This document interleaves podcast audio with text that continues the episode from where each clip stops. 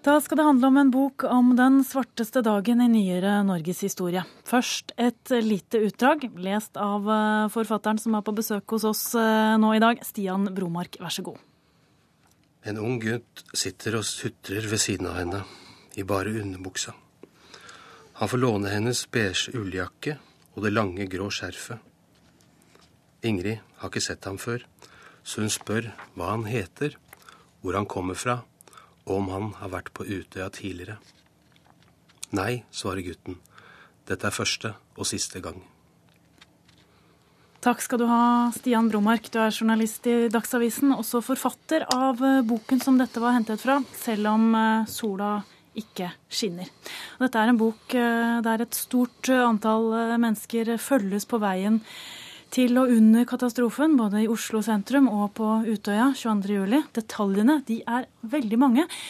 Vi kan f.eks. lese om eh, en forelsket ungdom som manner seg opp og spør om noen vil være med på en tur på kjærlighetsstien på Utøya. Vi kan lese om splinter som treffer kropper, og hvordan de skjærer seg inn fra kjevepartiet et ansikt. Og vi kan lese om skiftninger i temperaturene på, på vannet i, i Tyrifjorden. Hvorfor alle disse detaljene?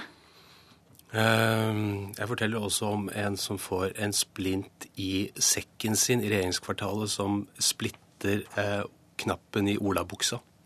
Eh, nei, eh, mye av detaljene har jeg med fordi jeg tror det er lettere for leseren å ehm, forestille seg og se for seg eh, disse menneskene som jeg forteller om, og de eh, omgivelsene de er i, og det de foretar seg fra da fra tidlig morgen, eh, når de står opp i teltene sine på Utøya eller går til lunsj i regjeringskvartalet, fram til, eh, fram til kvelden eh, på, på Sundvolden. Mm. Dernest så er det jo det også en måte å, å fortelle noe større på. Når jeg forteller, for eksempel forteller om en som har fylt uh, trillekofferten sin med, med høyhælte sko og, og, krølltang og masse sminke og smyk, smykker og masse kameraer i tilfelle ene klikker og, og, sånne ting, så er jo det eh, Sier det noe om hva slags forventninger man har til det oppholdet på, på Utøya. Så hun spesifikt fikk seg jo en, en lite, lite, sjokk på morgenkvisten på fredag 22. juli fordi det eh, stria ned i voldsomme strømmer på, på Utøya. Det var et gjørmebad fra teltleiren opp til kafébygget. Mm.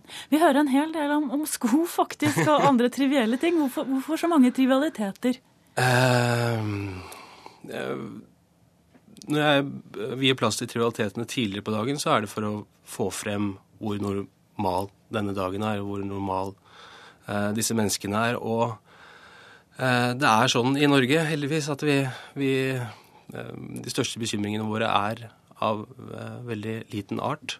På Utøya, når ungdommene står opp der, så er det flere som uttrykker voldsom skrekk for disse froskene som hopper rundt. Eh, som er en rar ting. Også i regjeringskvartalet så er det mye sånn vær og paraply og, og, og hva skal jeg ha på i salaten min i dag? I det tilfellet så var det en veganer som sleit med all skinka. Hm. Når jeg gjør det Eh, og dessuten så får jo alle disse banalitetene en helt eh, spesifikk valør. Altså de, de, oppfattes jo og leses annerledes fordi vi vet jo hvordan det går. Eh, det er jo ingen hemmelighet.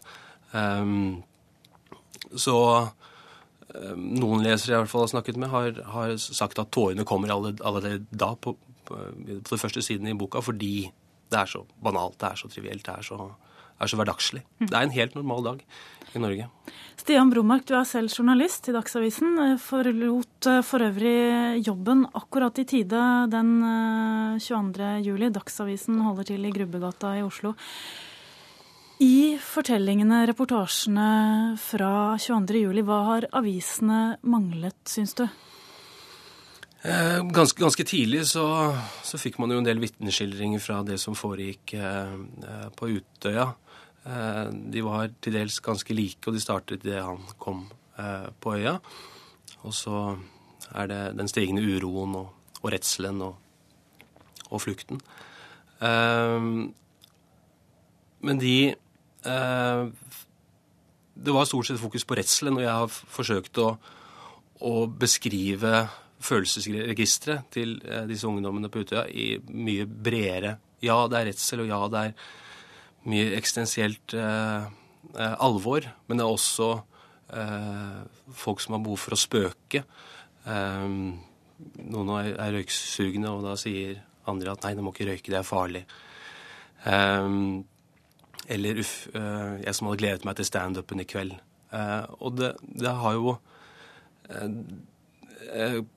komiske overtoner, men det blir jo tragikomikk i denne settingen her sånn. Og dessuten så gjør ikke disse menneskene dette her som bare for å være morsomme. Det er for å, for å holde folk hos seg. Det er for å lage øyeblikk av normalitet. Det er for å distrahere seg. Um, Jorid, som ligger i, i skolestua under en, en seng, hun, hun, går gjennom hele begravelsen sin. Er bekymret for at foreldrene ikke vet at hun ikke vil ha en kristen begravelse. Går gjennom alle sangene sine. Uh, men så blir hun trist, og så, men så muntrer hun seg litt opp ved å tenke på at hun skal få organisten til å spille 'Wake Me Up Before You Go Go' for å få dem til å le. For, ikke sant? og det uh, Humoren, uh, spøken tidvis også En som heter Johanne, forteller meg en ganske vakker scene der et tusenbein krabler rundt på, på hånda hennes. Først så har hun drept en edderkopp som kom på hånda hennes, og så tenker hun nei, søren, det skulle jeg ikke gjort. Det kan være et symbol på at jeg selv skal snart skal dø. Og så kommer tusenbeinet, og så dveler hun ved det. Og så får hun en slags sjelero ved dette tusenbeinet som krabber opp på, på, på, på hånda hennes. Blir hun fortvilet igjen når den forsvinner. Hmm. Um, så det er på den ene siden. Og på den andre siden så, så kom det jo politiske analyser eh, på kronikkplass. De to, to tingene ble ad, veldig atskilt.